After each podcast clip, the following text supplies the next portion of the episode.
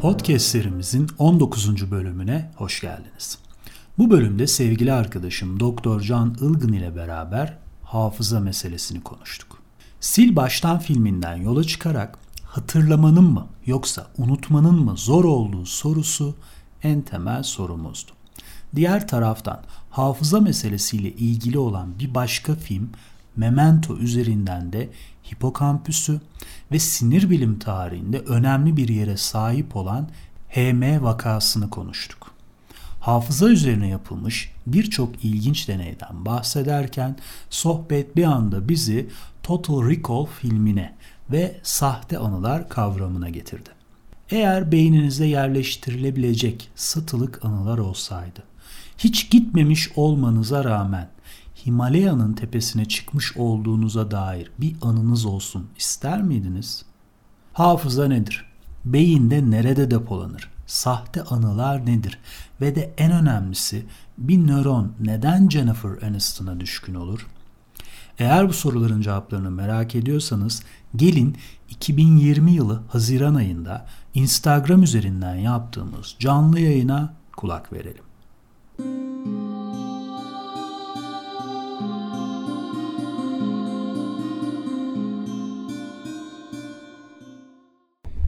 Herkese iyi akşamlar. Ee, bir canlı yayına daha hoş geldiniz. Bu akşam yine her perşembe yaptığımız gibi e, sizinle e, Limbik Kafalar konseptinde sevgili Doktor Can Ilgın'la beraber e, sinir bilim konularını konuşacağız. Can hoş geldin. Hoş bulduk. Şimdi bugün konuşacağımız konu hafıza. Önce şeyde paylaşırken Sil Baştan diye bir film var. Sen izlemiş miydin o filmi? Tabii izledim. Ne düşünüyorsun film hakkında? Hatırlıyor musun? Abi çok güzel film yani. Çok yaratıcı bir film yani öyle diyeyim sana. Ha, yani e, bence öyle. Çok keyif aldım ben izlerken. Canlı film şeylerimiz tutmuyor. Ben onu hatırlamıyorum. Çok eskiden izlemiştim. Hatta Hı-hı. şey olmuştu galiba. Ya bu ne ya falan olmuştu. Şimdi ilk başta şöyle başlayalım. Hani sorumuz e, hatırlamak mı zor, unutmak mı? Ama ben şunu söyleyeyim. E, Hollywood bu hafıza filmlerinin ekmeğini çok yedi. Şimdi oradaki tema şuydu değil mi? Yanlış hatırlıyorsam düzelt lütfen işte sevgilisini unutmak için beyninde bir operasyon yapıyor ve Hı-hı. unutuyor gibi bir şey var. Ya da geçmişte herhangi Hı-hı. bir şeyi unutuyor. Hı-hı. Böyleydi değil mi?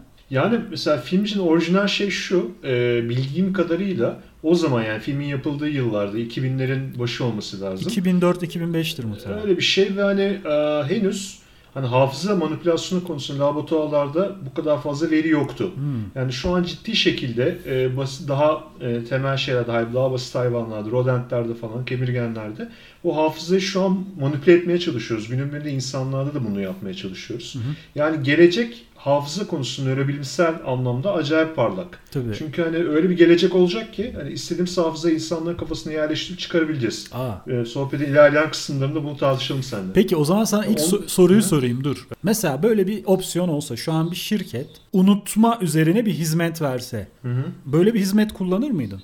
Yani böyle şey bir bölgeyi çıkarıyor bir de ya o kadar şey. Mesela işte Aha. 17 Ocak'la 27 Şubat arasını çıkar falan diye. Final haftası çıksın diye mesela. Travmatik deney. Var mı hiç öyle bir şey? Mesela ben çok net kullanmazdım cevabını verebilirim yani. Çünkü onların hepsini ben beynimde Hı. biriktirmişim. Kötüsü de iyisi de benim. Çünkü zaten hani konuşacağız. Hafızadaki temel kritik şu. Hafıza özellikle beyin olumsuz şeyleri daha çok depolamak istiyor. Çünkü canı yanmış bir daha canım yanmasın diye. Yani Hı. düşünsene sen sürekli orayı formatladığında aynı e, can acısını duyacaksın ama sen ne dersin? Ben cevap verdim. Ben de senin gibi düşünüyorum. Yani çok iyi bir hayatta kalma stratejisi aslında. Anı dediğimiz şey, hatıra dediğimiz şey e, çoğu zaman acı veren bir şey. Ve çok da ciddi şekilde insanı koruyor. Yani bütün bütünlüğünü korumasını sağlıyor. Yani o yüzden tehlikeye karşı en iyi silahlarımızdan bir tanesi tecrübe. Kesinlikle. Şimdi hafızamız sence e, bir, bir kere bütün canlılarda bir şey var. E, bir öğrenme paterni. Öğrenmenin olduğu yerde depolama da oluyor kabaca yani bunu söyleyebiliriz. Hı. İnsanın hafızası konusunda ne düşünüyorsun? Sence iyi mi kötü mü? Yani e, şöyle iyi ve kötü olduğu taraf var. İyi tarafı aslında nöron sayısına baktığında mesela e, çok büyük olduğu söyleniyor. Mesela e, petabyte seviyesinde hani şey biliyorsundur gigabyte'ı hani giganın bin katı hani petabyte seviyesinde şey var hafızası olduğu söyleniyor. 1 petabyte ile 2,5 petabyte arasında insanın hafızasının değiştiği söyleniyor ki bu böyle hani ne bileyim Yahoo'nun Google'ın falan şeyleri serverlarının şeyi hani hafızası hani neredeyse devasa insanlığın tüm ürettiği bilgi kadar neredeyse hafızayı insan beyni üretiyor durmadan. Hı hı. Hatta 30 saniyede bir Hubble'ın çektiği tüm fotoğraflar kadar veri ürettiği ve hani depoladığı söyleniyor insan beyni. Bu kadar çılgın bir şey var. Potansiyeli var ama kötü olan kısmı şu. Mesela bu kadar potansiyel olmasına rağmen bana işte 10 tane sayı söyle. Bunu hani belki bir dakika sonra 7-8 tanesini söyleyebilirim. Ve daha azını söyleyebilirim. Çünkü insanın şeyi çok zayıf. Kısa vadeli hafızası zayıf. Hatta kısa vadeli hafızasını uzuna çevirmesi de çok zor. Hani ancak bunu tekrarlayarak çeşitli trikler yapıyoruz. Onlara gireceğiz. E, kısa dönem, uzun dönem sen de bahsedersin muhtemelen. Hı. Yani e, ben insanın beynine e, depolama kapasitesi olarak bir üst sınır koymak istemiyorum. Hani bilmem ne byte falan diye o ha, hakikaten artı sonsuz gibi bir şey var benim kafamda. Çünkü hani e, sistemi düşündüğünde onu bir sınırlandırmamak gerektiğini düşünüyorum. Ama hafızamızın e, iyi olmadığı ya da şöyle bir şey var. Yani hikayeler var tamam mı? Hikayeler niye var? İşte insanın hafızasının aslında biraz şey olmaması için. Yani e, çok iyi olmaması için, insanları hatırlatmak için, o aktarım için. Bak bu çok önemli. Hı hı. Mesela yazının icadı. Düşünsene yazı olmasaydı. Ya herkes hı. öğrendikleriyle yok olsaydı falan inanılmaz bir şey olurdu. Şimdi buradan başlayalım. Şimdi sen ilk olarak hafıza konusunda ne demek istersin? Yani bu nerededir, nasıldır? Yani nasıl bir giriş yapmak istersin? Buradan başlayalım. Yani şöyle şimdi bilim insanları bunu zaten çok ciddi şekilde arıyorlar. Yani beyinde hafıza nerede? Yani bununla ilgili bazı cevaplar var ama tam bir cevap da yok. Ha. Çünkü şöyle hafızanın hani az önce de konuştuk farklı tipleri var. Yani mesela e, kısa e, vadeli hafızada, kısa süreli hafızada hani aynı anda hem prefrontal korteksin belli miktar işlevi var ama aynı anda hipokampüs denen bir bölge de var. Beynin işte daha taban kısmında oturan böyle küçük bir deniz atı şeklinde bir kısım. Evet. Senin takipçileri bunu çok iyi biliyordur zaten. Onu belki ya bu arada bile gerek yok. Hipokampüs deniz atı da demek. Hani deniz atı şeklinde Aha. diyoruz ama tam kelime karşılığı da o. Mesela insanlar hipokampüs yazarsa şeye bir sürü sea horse diye deniz atı göreceklerdir. Beyindeki o Aha. bölge ona benziyor çünkü. Yani kesinlikle hem morfolojisi benziyor hem de ismi oradan geliyor. Aslında şimdi sen kısa uzun diye gireceksin ama hipokampüsle ilgili ben çok kısa bir şey gireyim araya. Belki Aha. sen ona girmeyeceksin. Şimdi tarihte klinikte HM vakası diye HM vakası ya da nasıl işte İngilizce söylersen söyle bir vaka vardır. Klasiktir bu şey olarak. Çünkü ilk hafızayla ilgili çok önemli bir e, vakadır bu. İşte 1953 yılında işte klasik e, epilepsi sorununda biliyorsun 50'lerde başlayan ve işte 70'lerin sonları 80'lere doğru giden kısımda beyinden parçalar çıkarılıyordu işte e, o parçaları çıkarıp epilepsiyi veya işte şiddetle ilgili bir takım şeyleri tedavi ediyordu. E, hatta bununla ilgili Egas Moins'ti galiba Nobel ödülü bile almıştı. Böyle çok karışık bir şey orası. Şimdi oraya girmeyeyim. Şimdi e, abimizin adı Henry Mollison. E, ilk vaka bu epilepsi nedeniyle şeye giriyor. Bu arada dediğim gibi yıl 1953. E, bunun temporal lobu çıkarıyorlar. Şimdi temporal lob şu kenarda gözüken lob gibi düşünün ama burada işte şey de var. E, işte medial temporal lobda ya yani içe yakın kısmında hipokampüs dediğimiz yapı var. Şimdi burayı çıkardıklarında işte e, klinik şeylere bakıyorsun Can işte sonuçlara mantığı yerinde hareket ediyor. Fakat çok ciddi bir şekilde yeni bilgi öğrenemiyor diye bir şey çıkıyor ortaya. Şimdi burası çok önemli. Eskiyi hatırlıyor. Hı hı. Yani evini biliyor, karısını biliyor, şunu biliyor ama tanışıyor bir doktorla. O konuşuyor 10 dakika dışarı çıkıp girdiğinde o doktoru hatırlamıyor. Ve buradan e, literatürde şunu görüyorlar. Hipokampüs bölgesi yeni hafızanın oluşturulmasında en önemli yerlerden biri. Dediğin gibi bir sürü yer var ve bir sürü e, spekülasyon var. O ayrı. Ama hipokampüs 50-60'lı yıllarda ilk hayatımıza bu e, Henry ile giriyordu e, şeyle. Hatta sonra bu adam çok popüler oldu. Hatta beynini de şeye bağışladı. 82 yaşında e, vefat ettiğinde e, bilime bağışladı ve bir sürü inceleme falan da e, yapıldı orada. Yani hipokampüsle ilgili ilk tespitimiz ta 60'a kadar gidiyor. Eski hafızada bir şey yok. Onlar nereye depolandı bilmiyoruz. Ama yeni hafıza üretmede hipokampüs çok önemli. Ben de sana kendi tanışma hikayemi anlatayım hipokampüste. Tamam. Nereden tanıştım biliyor musun? Nasıl? Christopher Nolan'ın Memento filmini biliyorsun değil mi? Memento'yu tabii tabii biliyorum. Aha, aynen. Benim mesela hipokampüsle tanıştığım film odur mesela. Çok etkilenmiştim orada. Bu arada şunu söyleyeyim. Sanki o bir sendromdan yola çıkarak e, çıkmış olabilir ama şu Hollywood'la ilgili şunu söyleyeyim ne olur. Hollywood'un çok kullandığı bir klişe bu. Kafaya bir darbe alıyoruz. Bu o 1910'larda da var. Bu Türk sineması bunun ekmeğini deli gibi yedi. Yani trafik kazası geçiyor ya da kafaya bir sert darbe alıyor. Gitti. Kimseyi tanımıyorum falan. İşte bazen kör olan da var. Hatta daha sert bir darbeyle gözler açılıyor ya da işte hafızam yerine geldi falan. Yani Hollywood bunun çok ekmeğini yese de sinir bilimsel olarak böyle bir şey yok. Yani hani e, işte kafaya alınan sert darbe hipokampal bölgeye zarar verdi ya da e, onu geri döndürdü diye bu tümüyle bir hani şey uydurma. Hani e, tabii ki yani, beynin zarar görüyor ama bu farklı bir şey yani e, çok ciddi şekilde tanımlanmış zaten. Hangi lezyon mesela hangi bölgenin lezyonu anterograd ya da retrograd yani bazı lezyonlar ileriye e, doğru yeni hafıza oluşturmaya zarar bir şey zarar veriyor. Bazıları da var olan hafızayı hatırlayamamanı sağlıyor, evet, neden oluyor. Ondan sonra hani bunlar zaten çok ciddi belli lezyonlardır beyinde yani sadece çok ufak belki gözle görülemeyecek ve mikro cerrahiyle ancak görülebilecek bölgelerde ama işte bazen gerçekten de şeylerde kazalarda ya da özellikle penetran yaralanmalarda olabilir ya da bazı inmelerde olabilir. Yani oraya giden damar tıkanma durumlarında spesifik olarak o bölge tıkanabiliyor da hasar görebiliyor. Ama dediğin gibi yani o tuvalette işte haydutlar adamın kafasını vurdu işte hipokampa hasar çok çok fantastik ya. Olabilir ama çok çok düşük ihtimal yani. Başka çok daha başka şeyler ortaya çıkacaktır.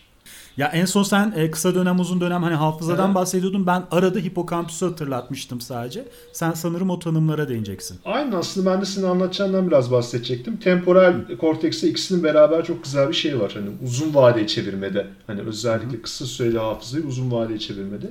Ve aslında bizim işimize yarayan şey de bu. Ama insan hafızasının da en zayıf olduğu taraf bu yani. Hani bizim inanılmaz bir şeyimiz var, beynimiz var. Dediğin gibi neredeyse bizim için pratikte sonsuz bir veri depolama kapasitesi var. Ama yine daha önceki sohbetlerimizde de bunu tartışıp konuşmuştuk. Yani olay sadece final olanı ezberlemek değil insan beyninin. Mesela diyelim ki hareketleri de biz hafızamıza tutuyoruz. Yani mesela kas hafızası denir diye bir laf vardır. Aslında terim çok doğru değil. Hani bilmiyorum benim bildiğim Golgi tendon organının ya da kas iyicinin bir hafızası yok diye biliyorum ben. Bazal ganglionlarda. Dur sen çok şeye girdin ya Golgi tendon organı falan filan. Abi fizyolog buldum hemen yürüdüm ya ben. Ama yani fizyoloji kongresinde değiliz falan yani. Ee, yani beyin tabanında bazı bölgeler var. Mesela hareketin planlanmasını sağlayan mesela senin içeceği içmeni sağlayan şey aslında bir hareket planı var kafanda tamam mı? Ona işte elini götürüyorsun, ağzına doğru götürüyorsun onu hani. Bunlar bir tanesinin hata olmadı bir desenkron olabilir. Ondan sonra sen bardağı direkt yüzüne çarpabilirsin mesela. Yani travma olabilir. Hepsini bunu ayarlayan bir şey. Sen bunu öğrenmişsin bir paket program belli aralıklarla devreye giriyor. İşte aslında beyin tabanındaki bu bazal ganglion dediğimiz kısmını ya da cerebellumun beyincin yaptığı şeyler bunlar. Belli hareket programlarını belli bir dengede ve simetride devreye sokmak. Mesela bunların da belli bir miktar hafızası ve veri depolama kapasitesi var. Yani sadece şeyden ibaret değil. Sözel bilgiden ya da görüntüden ya da sesten ibaret değil. Yani e, şöyle Kandel'in aslında e, Kandel bizim sinir bilimde e, çok önemli bir abimiz. Onun güzel bir şeyi var. E, açıklayıcı bir grafiği var. Şimdi uzun döneme yani kısa dönem hafıza işte ilk başta e, size e, çok önemli biri bir ünlüyü gördünüz. Ona dediniz ki bana Hı. telefonunu söylesene. Bir kez tekrarladı. ikinci kez tekrarlatma şansınız yoktu. Siz onu ağzınızda sürekli tekrarlıyorsunuz tamam mı? Hı. İşte burada önce bir kısa dönem hafızada üçlü ya da dörtlü kodlarla sen onu böyle bir tekrarlıyorsun. Hadi becerdin onu uzun hafızaya attın bir şekilde kodladın vesaire. Şimdi uzun hafızada dediğin gibi uzun dönem hafızada şeyler var. Ee, aslında temel olarak iki kısma ayrılıyor. Şimdi bunların isimlerinin çok bir önemi yok. Mantığının anlaşılması için e, söylüyorum. İşte buna bir deklaratif diyorlar bir de deklaratif olmayan. Şimdi deklaratif olan şu. İkiye ayrılıyor bu. Bizim en çok bildiğimiz epizodik olanlar, olaylar. Şimdi deklaratif hafızada gerçekler ve olaylar. Mesela bunların hepsinde işte medial temporal lob yani hipokampüs kullanıyoruz. Olay şu. Ankara Türkiye'nin başkentidir. Bu bir gerçek. Tamam mı? Bunu ben Hı. hipokampüste kodladım. Veya işte ben işte 20 e, Mayıs tarihinde evlendim. Şimdi bu episodik bir hafıza. Mesela e, erkeklerin e, bu düğün yıl dönümlerini, evlilik yıl dönümlerini unutmaması lazım mesela. Hani onu hipokampüsle kodlayıp çok güzel. Doğum Evlilik günü. prognozu için şey diyorsun ya. Aynen. Şimdi bu, bu episodik hafıza. Bütün olayları ona göre depoluyorsun. Dediğin gibi başka tür hafızalar da var. Mesela işte bisiklet sürmeyi öğrenen bir insan hipokampüsü zarar görse de bisiklet sürebilir. Çünkü niye? O cerebellumla ilgili dediğin gibi veya dans etmeyi öğrenebilir. Sonra çok önemli bir yapı var. Ona da geliriz. Amigdala korkuyla ilgili temel bir merkez. Duygusal hafızada rol oynuyor. Yani aşırı korku, aşırı mutluluk o ve şunu söyleyeyim hipokampüsle e, konsolide edilen hafıza unutulabilir belki ama amigdala unutulmuyor can. Yani amigdalaya hakikaten e, o bilgi girdi mi kolay kolay çıkmıyor ama çok ciddi bir emosyonel bir şey olması lazım. Onun dışında Hı. mesela bir takım beceriler, striatum giriyor oradan işin içine. Şey var sen söyle işte. Ya, matematik nasıl yapılır? Mesela hani çarpmayı unutmazsın tamam mı? Nasıldı lan 9'da 7'yi çarpmak için ne yapıyorduk falan gibi bir şey demezsin. Bir takım da e, dediğin gibi refleksel yollar var. Hani bunu şunun için hatırlattım. Hipokampüs bu işin temel bizim bildiğimiz o sınav bilgilerini kodlayan kısım. Ama bunun dışında tonlarca kısım var. Hatta sana çok küçük bir örnek verip pası öyle atayım. Korsakov sendromu diye bir şey var. Şimdi burada hipokampüs ciddi zarar görüyor. Bir insan niye öyle olur? İşte aşırı alkol tüketimine bağlı bir rahatsızlık Hı. olabilir aslında bu. Hatta şunu da söyleyelim. Mesela hani unutmaktan bahsediyoruz ya. İnsanlar unutmak için ne yapıyor? Bütün filmlerde vesaire gördüğümüzde kendini alkole vuruyor bak ilk temel Hı. olarak. Çünkü niye? Biz biliyoruz ki alkol hipokampüs e, şeyin aktivitesini en sağlam baskılayan şeylerden biri. Ama bu arada çok ciddi zarar veriyor. Korkunç zarar veriyor. O nedenle alkoliklerde hep çok ciddi e, şey sıkıntısı olur. Hatırlama sıkıntısı. Korsakov'da artık hipokampüs iptal. Ya hiçbir şey hatırlamıyor tamam mı? Ama bak şöyle çok ilginç bir deney var. İsviçreli bir doktordu ya da İsveçli hatırlamıyorum. İşte hastası geliyor Korsakov sendromu yaşlı bir kadın. İşte merhaba diyor hoş geldiniz diyor hoş bulduk. Daha önce tanıştık mı diyor. İlk kez tanışıyorlar. Hayır diyor. Elini uzatıyor. Bu arada doktorun elinin parmaklarının arasında can bir tane iğne var. Tamam mı? Hı. Yaşlı kadının elini sıkarken sen iğneyi kadının eline batırıyor. Kadın deli oluyor. Sen manyak mısın, salak mısın? Niye böyle bir şey yapıyorsun falan diye neyse. Şimdi burada e, izleyicilere şunu söyleyelim. Kadının doktoru tanıyıp kodlaması hipokampüs aracılığıyla olacak bir şey. Tamam mı?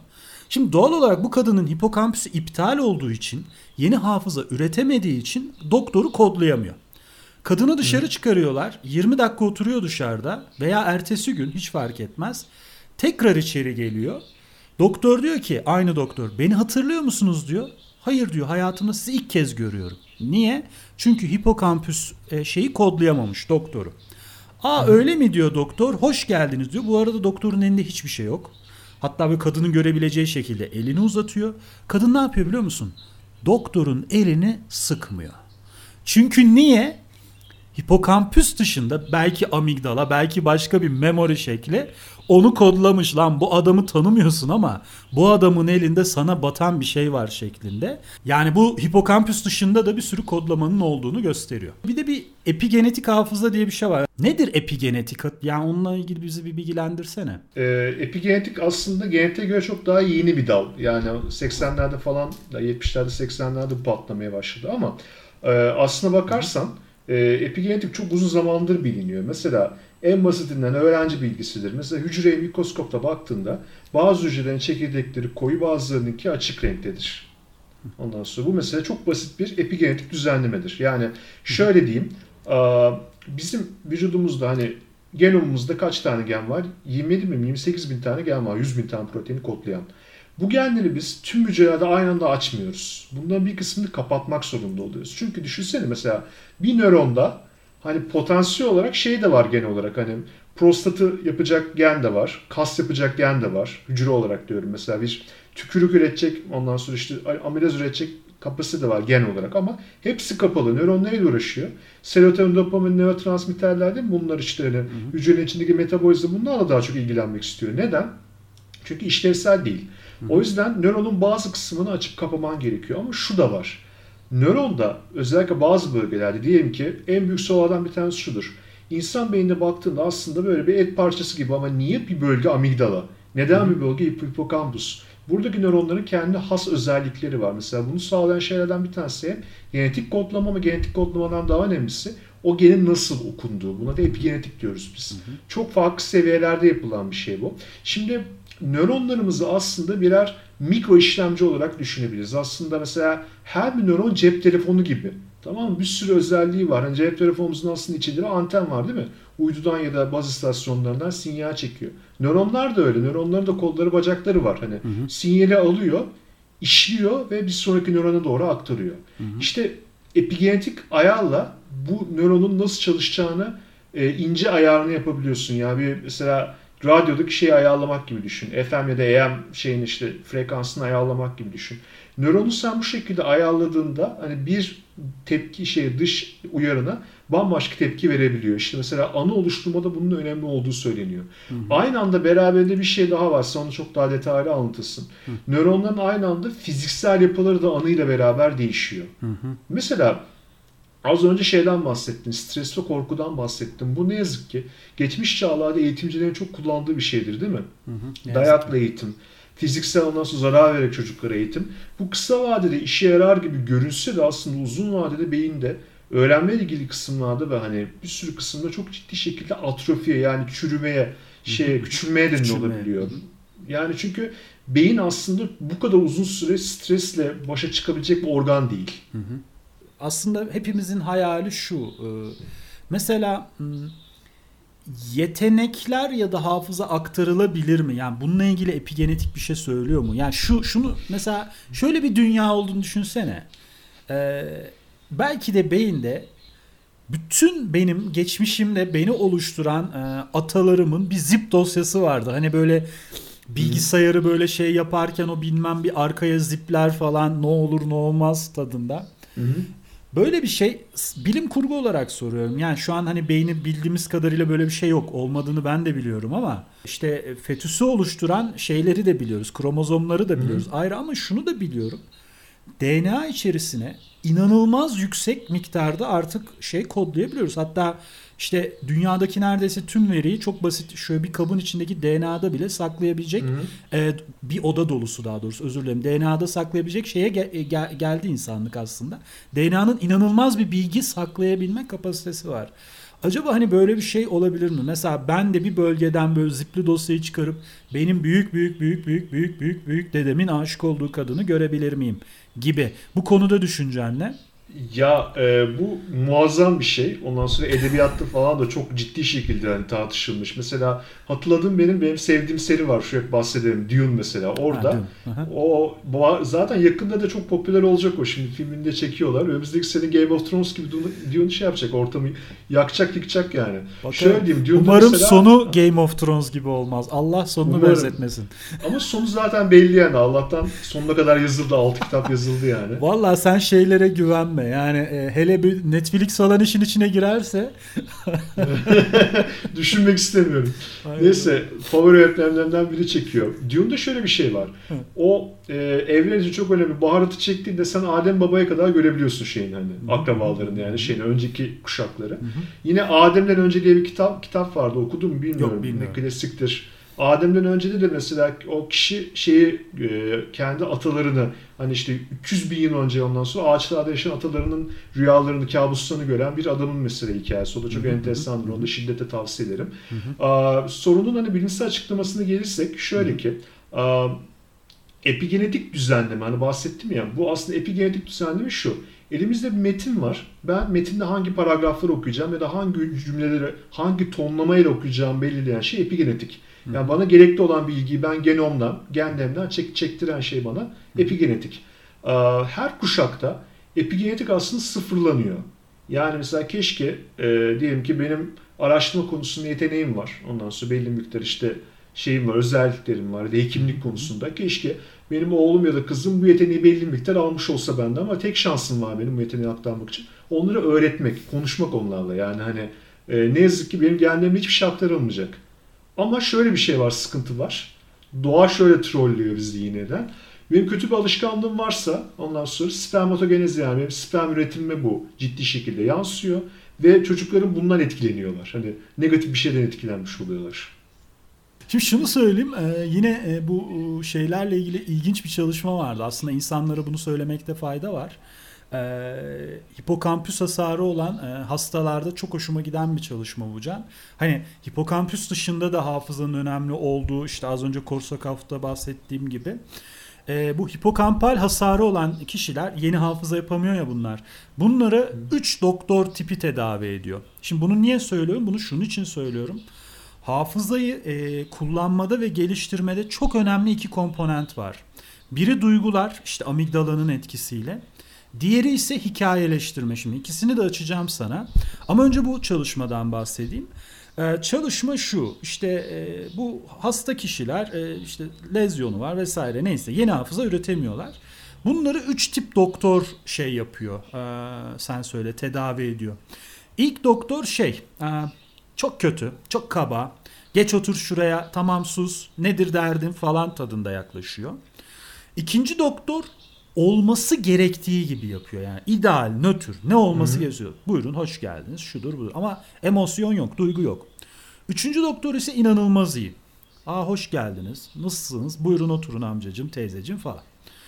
Şimdi ertesi gün bunların hiçbiri doktorları hatırlamıyor. Daha sonra bu kişilere 20 e, taneye yakın fotoğraf koyuyorlar önlerine. Diyorlar ki buradaki fotoğraflardan kimseyi tanıyor musunuz? 20 fotoğrafın içinde Can 3 doktorun da fotoğrafı var ve hastaların söylediği şu. Biz bunların hiçbirini tanımıyoruz. Çok güzel. Diyorlar ki içinizden e, kendinize en yakın kimi hissediyorsunuz? Yani bir arkadaş seçseniz bu fotoğraflardan Kimi seçersiniz? Diyorlar ki ya ne alakası var? Ya hadi seç. Hangisi geliyorsa falan diye. Çok ilginç. İnsanlar kendisine güler yüzlü davranan doktoru seçiyorlar. Yani bunu şunun için söylüyorum. Aslında bir e, sosyal mesaj olarak da şunu söyleyeyim. Ee, insanlarla tanıştığınızda, e, insanlarla yeni konuşurken her zaman gülümseyin. Selam verirken gülümseyin. O insan belki sizin adınızı hatırlamaz. Hipokampüs unutur. Yüzünüzle ilgili şeyler farklı. Oralara şimdi girmeyelim. Hani oralar fusiform falan o çok, çok karışık bir mevzu ama isminizi unutur, kim olduğunuzu unutur, ne olduğunuzu unutur. Ama unutmayacağı çok net bir şey var. O gülümsemeniz. Aslında siz farkında olmasanız da karşınızdakine gülümseyerek çok ciddi bir pozitif şey kodluyorsunuz. Doğal olarak o hiç ummadığınız bir yerde acayip işinize yarayabilir. Peki şeyler hakkında ne düşünüyorsun? Bu inanılmaz hafızası olan insanlar var. Hiç bunlara rastladım mı bilmiyorum. Yani şöyle söyleyeyim sana. E, Netflix'te bir belgesel var. E, The Mind Explained diye. Bu Explained serilerinin. E, orada bir kadın var. Onu gösteriyorlar. Orada gördüğüm kadını. Yanya Wintersoul. Yani bu kadının özelliği şu e, hafıza şampiyonu 3 tane dünya rekoru var. Tamam mı? Yani ne yap? Mesela kadına önüne 500 tane rakam koydular. Tamam 10 dakikada kadın rakamları sırasıyla ezberliyor. Şimdi baktığı zaman manyak bir şey. Yani e, inanılmaz bir kavram. Şimdi nasıl oluyor? Bu insanlar ne yapıyor diye baktığımızda işte burada işin içine hikayeleştirme kavramı giriyor tamam mı? Hı. O da şu. Kadın yöntemini anlatıyor rakamları nasıl ezberlediğini anlatıyor. İşte rakamları harfe benzetiyor. O harflerden böyle saçma sapan hikayeler oluşturuyor. Yani aslında kadının ezberlediği rakamın kendisi değil. Rakamı bir sembolle eşleştirip o sembolü inanılmaz bir e, şey hale getiriyor. E, nasıl söyleyeyim? Garip bir hikaye haline getiriyor. Hatta işte bir takım teknikler var bununla ilgili. Mesela diyorlar ki bir bilgiyi öğrenirken bu tarz bir şey kodlama yapmak istiyorsanız işte çok iyi bildiğiniz bir yer. Neresi mesela? İşte Hacettepe e, Tıp Fakültesinin heykelinin orası diyelim tamam mı? Hı-hı. Mesela bir bilgiyi hatırlayacaksın. Oraya kodluyorsun. Mesela işte e, neyse ilaç ismi diyelim onu bir yaratığa dönüştürüyorsun. Baş harflerinden bir şeyler oluşturuyorsun falan. Onu oraya Hı. kodluyorsun. Yani tipik şey gibi. Bir A grubu biliyorsun periyodik cetvelde. Yani bütün hani bizim Türk eğitim sisteminin en iyi yaptığı şeydir. Periyodik cetveli ezberletmek. Şimdi e, Haydarpaşa Lisesi'nin nankör kimyacısı Rabia'yı kesip fırlattı diye böyle bir şey var. Sen de hiç, siz denemediniz mi? Yok muydu sizde öyle bir şey? Bizde şey var lan şey hatırlıyorum. Sakıp Sabancı para sayar para sayar durmadan para sayar. Bu SPD otelleri var ya. ya şimdi şu var ya o bir, bir gün o orbitalleri konuşacağım. Onları bize niye öğrettiler ya? 1S2, 2S, 2S2, 2P6. O, öyleydi değil mi onlar? Abi zaten sende şeyimiz var zaten kuantum planımız var ya. Hani çok acayip olacak o gün yani. tamam. Neyse şunu söylemeye çalışıyorum. Bak şimdi ben beni sok sen kimya sınavına periyodik cetvelle kralını alırım ama hiçbir fikrim yok. Yani tek bildiğim baş harfleri ezberlemek. Çünkü niye ben oraya bir hikaye yazdım. Bir lise var Haydarpaşa Lisesi'nin nankör, bu arada Haydarpaşa hidrojen lisesi lityum nankör kimyacısı ne ya sodyum neyse işte böyle salakça bir sistem vardı. Ama sen de hani TUS'a girmiş bir insansın. Ee, yani biliyorsun tüm TUS ezber üstüne kurulu. Hani bunu e, birçok arkadaşın da girdi. Ee, kızın söylediği bu. Çok ilgimi çeken olay bu. Ee, mesela şey var. E, yani kodlamak çok önemli. Hatta çok hoşuma giden bir örnek var. E, dünyada bir düzineden fazla insan e, pi sayısının virgülden sonraki 20 bin basamağını ezbere sayabiliyor. Şimdi bu manyak bir şey. Şimdi sen herhalde bu beynin önünde eğilirsin değil mi? Aman Allah'ım. 20 bin basamak bak adam başlıyor işte 3,14 6 8 9'dan 20 bine kadar gidiyor bu adam. Şimdi mesela bu bize çok ilgi çekici geliyor ama verdikleri örnek çok hoşuma gitti. O yüzden insanlarla paylaşmak istiyorum. Mesela Shakespeare'in Hamlet eseri tamam mı?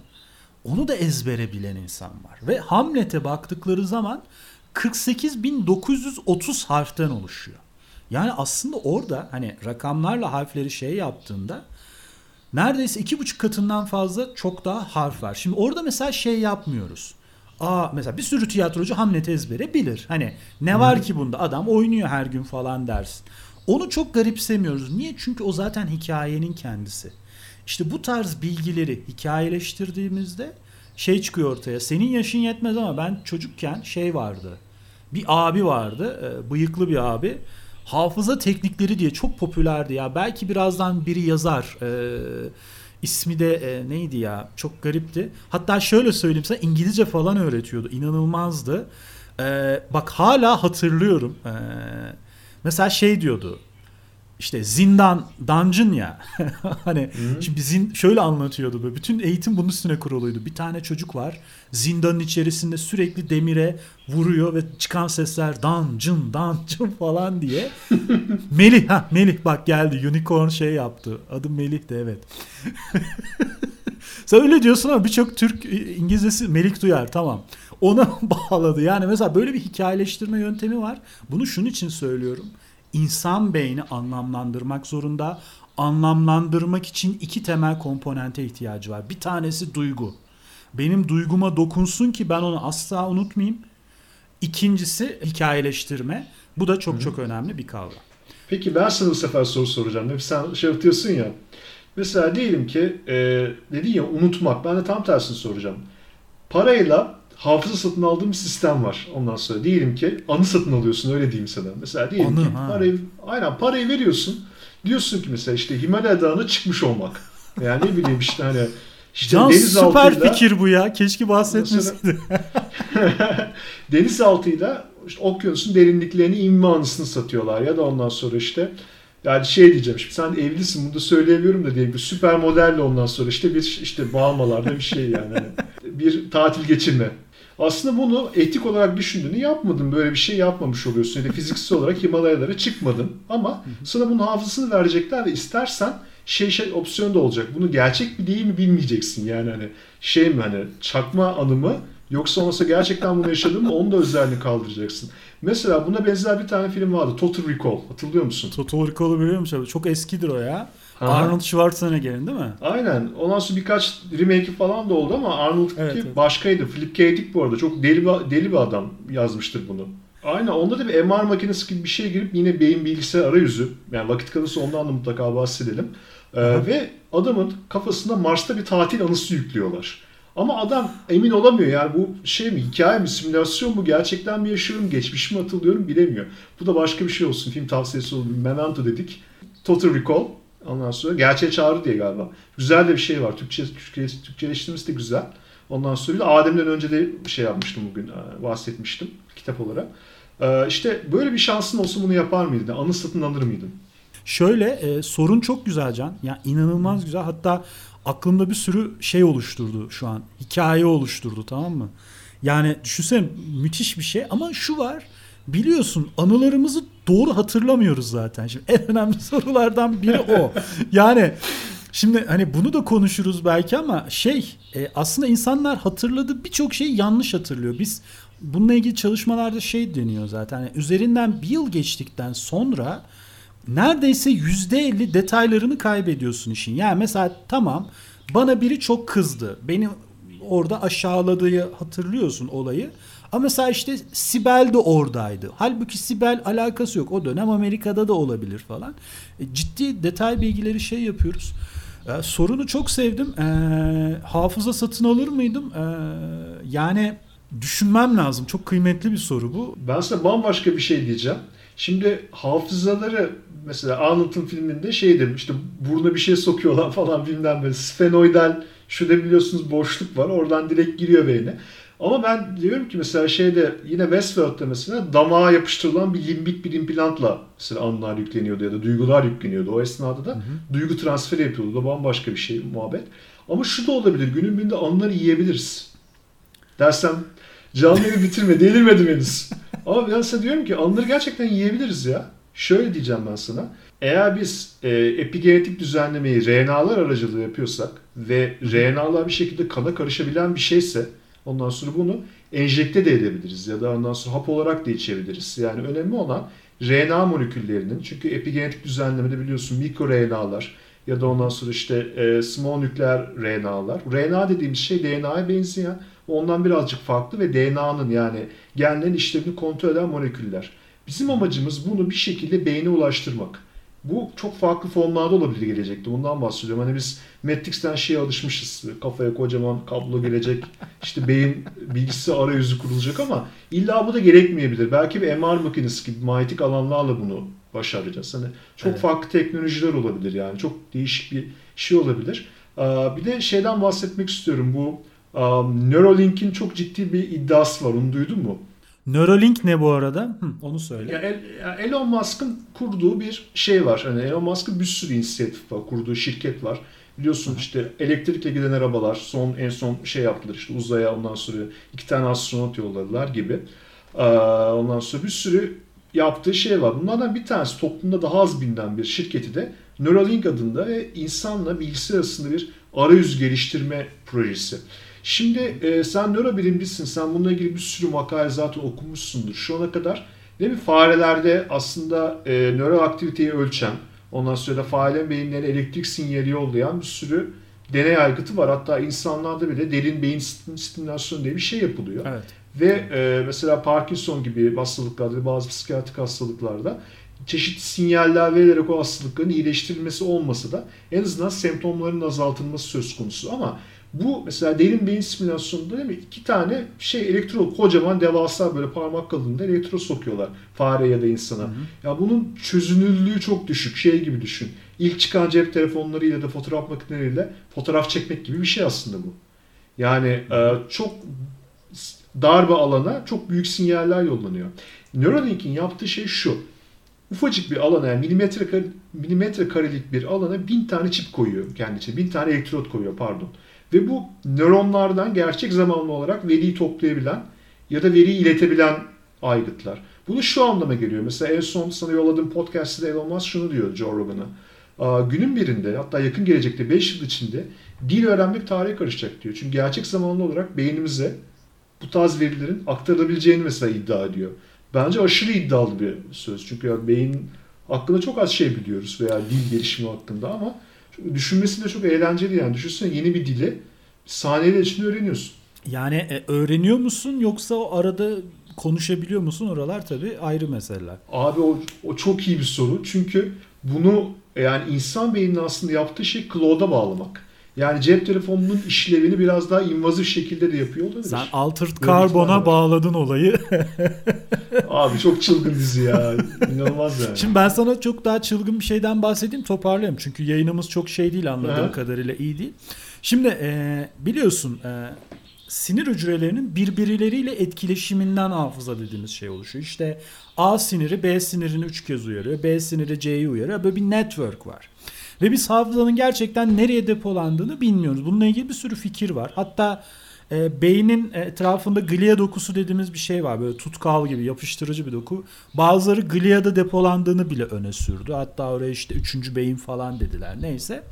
E, ama şunu biliyoruz. Nöronun kendi içine kodlanmıyor. Yani bunu biliyoruz tamam mı? Şimdi ben bununla ilgili çok ilginç. 2005 yılında e, Nature'da yayınlanan çok güzel bir çalışma var.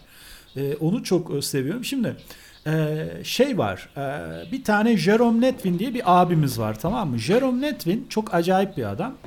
Aa, nasıl söyleyeyim? Doktor House tadında bir adam. Böyle laboratuvarda sigarayla dolaşan böyle entel bir adam tamam mı? Böyle garip enteresan bir tip. Şimdi herkes diyor ki bu bir network. Bu diyor ki hayır diyor. Grandmother cell teori diye bir şeyden bahsediyor. Diyor ki şu. Her bir nöron e, bilgiyi kendi depolar diyor. Nasıl? Yani şöyle. Sizin büyük annenizi diyor hipokampüste tanıyan bir nöron var. Tek bir nöron. O nöron senin büyük anneni depoluyor. E eğer o nöron zarar görürse artık büyük anne senin için yok diyor tamam mı? Çok ilkel bir şey. Çok da dalga geçiyorlar zaten. Saçmalama hani ya, hakikaten de biliyoruz. Bir sürü nöron birbiriyle network yapıyor falan. Daha sonra şu yapılıyor Can. Tabi bu bundan yıllar sonra 2005'te bir İtalyan gruptu yanlış hatırlamıyorsam. Şimdi çok e, eski bir hikaye hatırladığım kadarını anlatacağım. İşte e, ilaca dirençli epilepsi hastaları var. Bunların kafayı açıp ilgili bölgeyi almak zorundalar. Bunlara diyorlar ki bilime katkıda bulunur musunuz? Nasıl? Zaten sizin kafayı açacağız. E işte e, oraya bir takım elektrotlar takalım. E, hani bir takım kayıtlar yapalım. Hani bilime katkı ya da artık bir şeyi var mı, bonusu var mı bilmiyorum çalışmada. Neyse bir birkaç kişi alıyorlar ama çok az insan olduğu için deneklerde cinsiyet minsiyeti de bilmiyoruz. Deney şu. Kişilerin kafaları açıyorlar. Ee, hücre düzeyinde neredeyse nöron düzeyinde kayıt alıyorlar. Tamam mı? Çok ince elektrotlarla hipokampüsten ee, ve şey yapıyorlar. Ee, çalışma şu. Bir ekrana bakıyorsun. Ekranda her saniye resim çıkıyor. Farklı resimler. Bu ünlü olabilir. Bir coğrafi bir şey olabilir. Bir hayvan olabilir. Ve bu resimlerin tekrarı var. Mesela Eyfel Kulesi'ni düşün tamam mı? 200 tane resim gösteriliyor kişiye. İçinde 10 tane Eyfel Kulesi var farklı açılarda. Senin tek yapman gereken şu deneye oturan kişi olarak. İnsan gördüğünde düğmeye basman gerekiyor. Bu. Şimdi bunu niye yapıyorlar? Aslında bu bir trik. Yani bir e, numara. Aslında hiçbir önemi yok. Önemi şu. Kişi düşünsenize sen bir ekrana bakıyorsun saniyede bir görüntü değişiyor. Aman senle mi uğraşacağım falan dersin. Akşam ne yiyeceğini düşünürsün. Yani deneye de katılsan ya sonuçta. Bunun yapacak bir şey yok. Kafa dalar gider. Ama kişiye sahte bir görev verdiğinde diyorsun ki insan gelince bas. Adam tetikte bekliyor tamam mı? Zebra, Eyfel Kulesi ha insan tak diye basıyor. Yani buradaki temel şey de o. E, kişileri dinç tutmak. Abi çalışmayı yapıyorlar. Çok ilginç bir şey çıkıyor.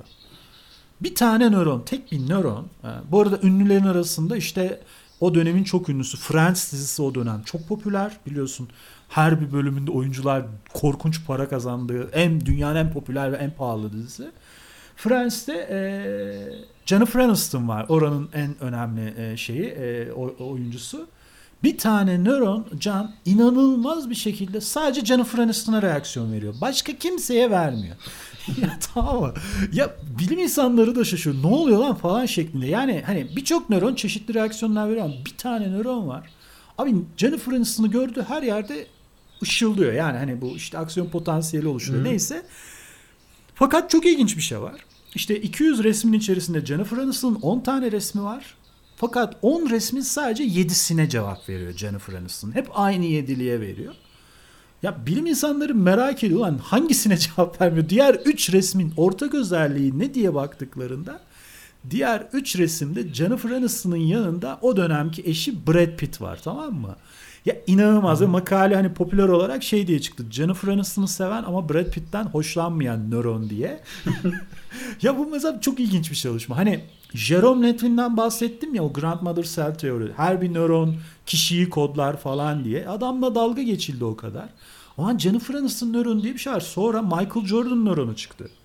Halle Berry nöronu çıktı. Çok acayip. Halle Berry nöronunda kadını görmesine gerek yok. Halle Berry yazısını gördüğünde aktif oluyor. Hatta e, Catwoman diye bir filmde oynamıştı o dönem o kadın. Sadece kostümü gösteriyorlar. İçinde Hal, e, Halberry yok yine aktive oluyor. Ya böyle de çok çok ilginç e, bir hikayesi var. Hani hafızanın böyle e, bütün o temel taşlarını bir sarsan e, çok ciddi şeyler var. Bu arada şunu da söyleyeyim. Bahsettiğimiz modeller bu işte kısa dönem, uzun dönem çok fizyolojide çok temel modeller ama bunların temeli çok eskiye dayanıyor. Öyle çok yeni şeyler değil bunlar. Ve bu iş çok çok daha senin dediğin gibi e, gelişecek aslında. Sen ekstra bir şey söylemek ister misin? Toparlayalım mı?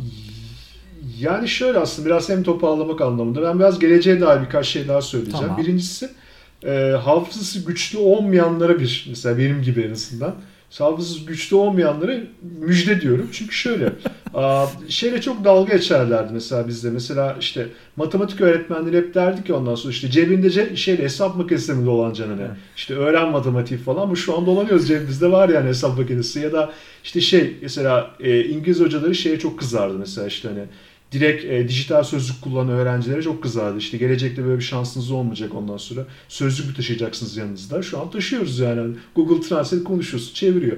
Bu hani şeyden, bu arada matematiği de İngilizceyi küçümsediğimden değil. Hani insan beyninin geleceğin, gelecekte çok daha farklı şeylere konsantre olacağından bahsediyorum. Çünkü günün birinde bu konuda çalışan çok fazla bilim insanı var. İnsan beyninin gerçekten internete, cloud'a bağlanma özelliği olacak ya da hafızasının artificial şekilde yani yapay şekilde çok güçlenme özelliği ortaya çıkacak. İşte o zaman bence insan beyninin e, gerçekten önemli olan kısmına konsantre olmaya başlayacağız. Mesela gerçekten empati, anlatabildim mi? İletişim, sevgi gibi hani bu kısımlar daha da öne çıkacak. Yani bu özellikle güçlü olan hafızası güçlü olmasa da ya da eğitim sisteminde çok başarılı olmasa da çok daha iyi yerlere gelebilecek belki bu sayede. Hı hı. O yüzden ben gelecekten çok mutluyum ama diğer taraftan uyarılması gereken bir şey var. Hafızalar bu teknolojilerle hack, hacklenebilir. Yani e, var olmayan hafızalar, e, anılar hafızaya yerleştirilebilir ya da çıkarılabilir. O yüzden hafıza etiği ya da hafıza güvenliği gibi yeni bir meslek de ortaya çıkabilir yani işte biz şeyden geldik hafıza güvenliğinden geldik falan. Böyle bir kriminolojinin alt dalı da olabilir.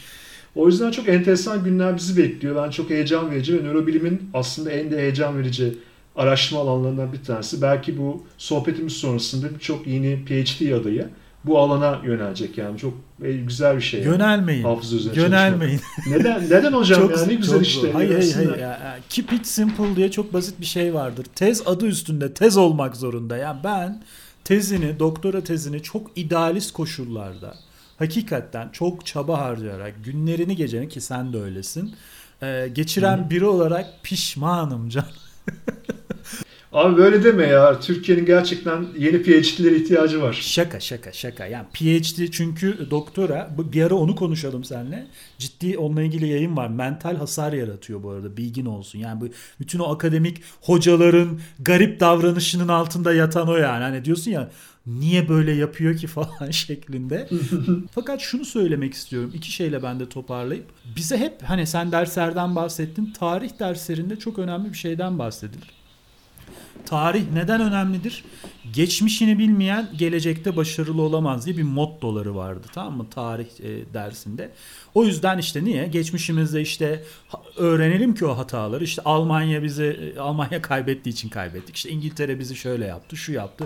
Ruslarla şu sıkıntıyı yaşadık. Hı. Tarih açıdan çok kıymetli. Şöyle çok ilginç bir çalışma var.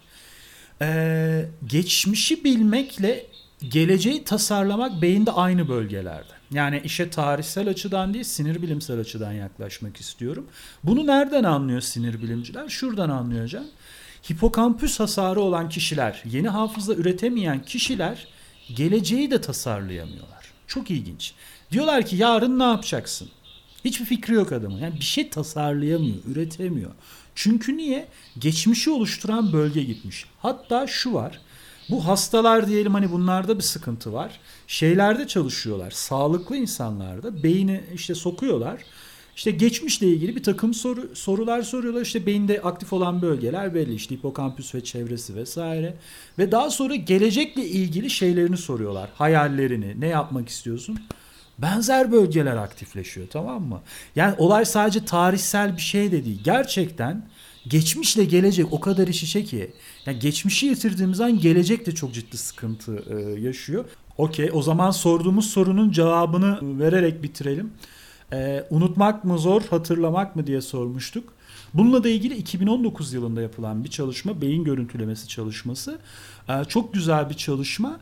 İşte bir şeyi hatırlama sırasında beynin harcadığı enerjiyle ilgili işte bir takım görüntülemeler yapılıyor. Bir de bir bilgiyi unutmaları istendiğinde unutamıyoruz Can. Yani bu çok acayip bir şey. Kesinlikle unutmak hatırlamaya göre çok çok daha kompleks, çok çok daha zor bir olay. Son notlarıma bakıyorum. Üç şey söyleyeceğim. Yani bir şey söyleyeceğim üç konuda. İyi bir hipokampüs hani bizi izleyen bir sürü öğrenci var, sınavlara çalışanlar var. Sağlıklı bir hipokampüs, sağlıklı bir hafıza için temel komponentler. Bir, uyku en önemlisi yani Hı-hı. inanılmaz önemli çünkü bilginin e, konsolide olmasında da pekişmesinde uykunun çok çok önemi var. Hatta işte e, REM dönemi falan bu noktada öğrenmede çok çok etkili. Belki seninle ayrıca bir uyku rüya section'ı yaparız Can. Hı-hı. İki, e, beslenme çok çok önemli. Ama bence en önemlisi düzenli egzersiz. Çünkü biz biliyoruz ki hipokampüse en pozitif etki yapan e, kısım e, düzenli egzersiz. Nörogenezis dediğimiz hipokampüste yeni sinir hücrelerinin üretilmesini sağlıyor. Can çok çok teşekkürler tekrardan. Ben teşekkür ederim. Şu dakikaya kadar e, bizimle olan e, uzun uzun çok bir saati Hı-hı. geçtik. E, konuşmamıza katlanan herkese sonsuz teşekkürler. İyi ki varsınız. Hoşçakalın kendinize iyi bakın. Hoşçakalın.